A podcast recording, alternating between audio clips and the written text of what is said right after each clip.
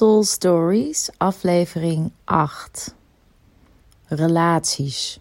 Jouw soul story die begint vorm te krijgen.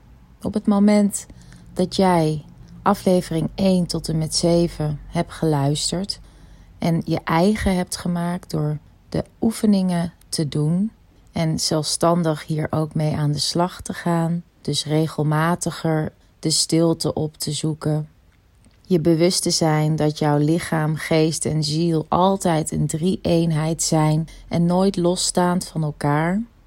Dat jij op zoek bent gegaan naar wat ervoor zorgt dat jij soms vast kan lopen en jij de lessen van het leven soms uit de weg bent gegaan. Wanneer jij woorden kunt verbinden aan datgene wat jij wil manifesteren en meer op zoek bent gegaan naar jouw flow, dan gaat het vaker gebeuren dat jij dat stemmetje, die intuïtie, die inspiratie, dat je daar naar kunt luisteren. En een groot onderdeel van afgeleid raken en dus niet in je flow zitten, heeft te maken met prikkels van buitenaf.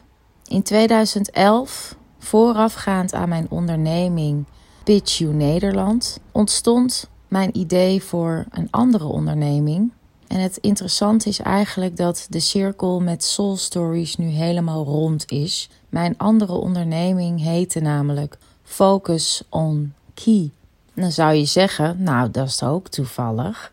Focus on Key, dat betekent de prikkels van buitenaf, je lichaam en je geest, die altijd met elkaar in verbinding zijn.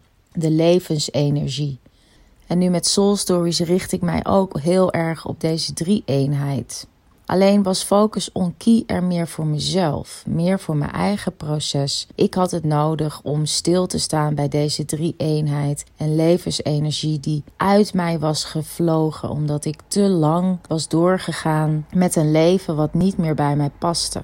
Ik was te lang doorgegaan als artiest op een podium en voor de camera van televisie, terwijl ik eigenlijk voelde dat ik andere dingen wilde doen.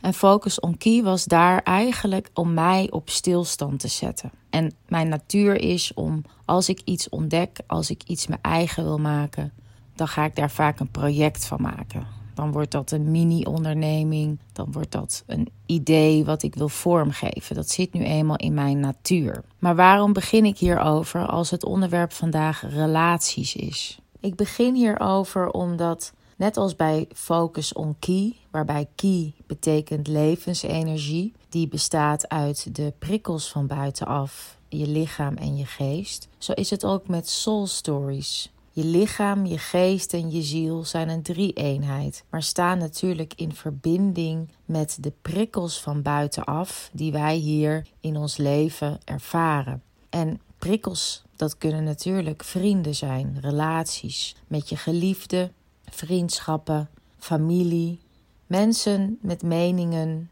mensen met non-verbale signalen, maar mensen met heel veel positieve input waar jij denkt iets mee te moeten doen. Wat is van jou en wat is van de ander? Bij Soul Stories gaat het om jou. Jij bent de onderscheidende factor. Er is maar één iemand zoals jij. Eén unique selling point. En dat ben jij. Jouw creativiteit, jouw visie, jouw waarden, jouw energie, jouw emoties, jouw gevoelens jouw communicatievaardigheden. En heel snel kunnen we afgeleid raken door wat andere mensen van ons vinden of wat wij denken dat andere mensen van ons willen. En voor je het weet, ben jij een leven aan het leven wat is ingericht op de ander in plaats van op waar jouw behoeftes liggen. Dus relaties zijn ontzettend van invloed op jouw soul story, die er altijd al is geweest, maar die jij bent vergeten en probeert je te herinneren.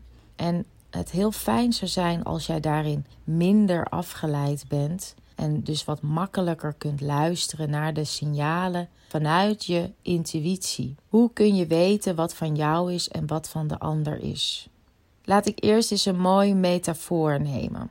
Je zou ook op dit moment een vel papier kunnen pakken een leeg vel papier en jezelf in het midden kunnen neerzetten, dus bijvoorbeeld je naam, met daaromheen jouw meest intieme, close inner circle. Dus dat kan bestaan uit vrienden, maar ook wel familieleden, collega's wellicht, con-collega's wanneer je een ondernemer bent. En deze mensen vertegenwoordigen niet alleen de intieme kring met wie jij het gewoon goed kunt vinden, jouw bloedgroep als het ware, maar deze mensen vertegenwoordigen ook kleine elementen, facetten van wie jij bent.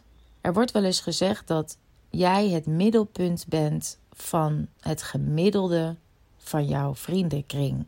Dus kijk maar om je heen. Wie zitten er om je heen? Wat voor een soort mensen zijn dat? En welke facetten vertegenwoordigen zij van jouw persoonlijkheid? Die gekke vriendin, die serieuze vriend, dat gevoelige zusje, die altijd grappige oom, waar je het zo goed mee kunt vinden. Hoogstwaarschijnlijk zijn het allemaal facetten van jouw persoonlijkheid uitvergroot in deze personen. Jij bent dus het gemiddelde van je eigen vriendenkring of van je inner circle. En daar zijn allerlei lessen te leren.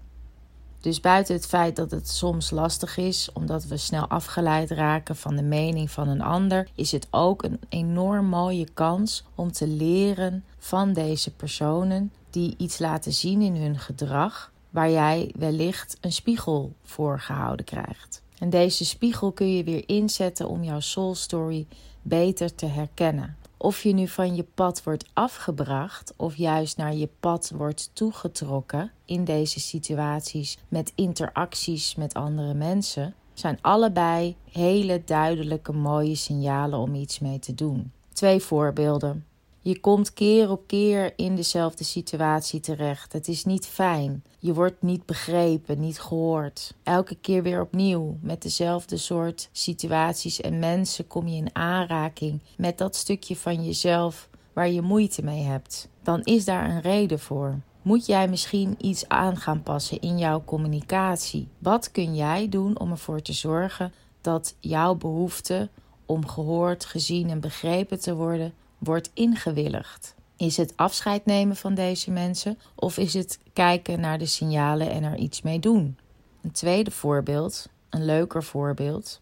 Keer op keer kom jij met mensen in aanraking die een bepaalde hobby of interessegebied hebben, waar jij elke keer weer met je neus naartoe wordt getrokken. Dat je denkt: hoezo wordt dit mij elke keer aangeboden? Misschien is het een signaal. Misschien zou je er iets mee kunnen doen. Als jij keer op keer wordt uitgenodigd om bijvoorbeeld eens een keertje naar een meditatie te komen of naar een mooie yogales of een aesthetic dance of iemand nodigt je uit om mantra's te gaan zingen of naar een filosofische avond te gaan of een boekenleesclub te bezoeken of een kookcursus. Ik kan nog wel even doorgaan. Misschien is het een signaal om daar iets mee te doen. Dus relaties zijn heel erg bepalend voor of wij afgeleid raken, maar ook om ons dichter bij ons pad te brengen, onze soul story. Onze vrienden, onze familieleden die we ook hebben uitgekozen, zijn het gemiddelde van wie jij bent en brengen jou dichter bij jezelf. Het is in contact met anderen dat we onszelf beter leren kennen. De goede kanten en de minder goede kanten.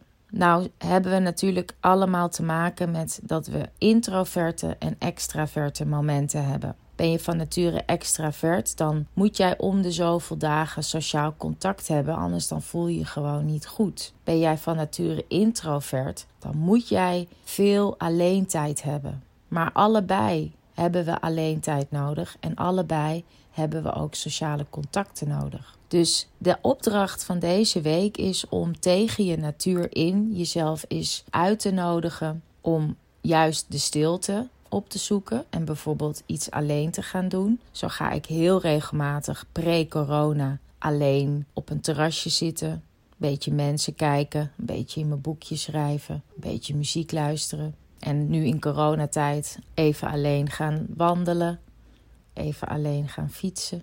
En juist wanneer je meer sociale contacten zou moeten opzoeken, omdat nou eenmaal het delen van ervaringen het beste gaat met iemand anders in de buurt. En dat deze jou de juiste input gaat teruggeven, of dat nou iets leuks is of iets minder leuks, het zijn lessen. dan wil ik dat jij jezelf dus uitnodigt om deze week een sociaal contact op te zoeken. Misschien wel tegen je natuur in, want je zit zo lekker nu. Je bent al een tijdje alleen en het gaat prima. Wil ik je uitnodigen om dat sociale contact toch op te zoeken. Relaties zijn prikkels van buitenaf die invloed hebben op jouw lichaam, jouw geest en dus ook jouw ziel. Prikkels gaan vastzitten in je lijf als het om negatieve prikkels gaat, maar prikkels gaan ook energie opleveren als het goede prikkels zijn. Sociale contacten, prikkels gaan ook iets doen met je geest. Je wordt geprikkeld, letterlijk. Krijg je positieve input, soms negatieve input die jou weer op scherp zet om een les te leren. En wanneer dat is gebeurd en jij een moment voor jezelf creëert in stilte, in de rust, dan kan de ziel makkelijker tot jou spreken en herinner jij je beter wat jouw soul story ook alweer was. Soul Stories, aflevering 8. Relaties.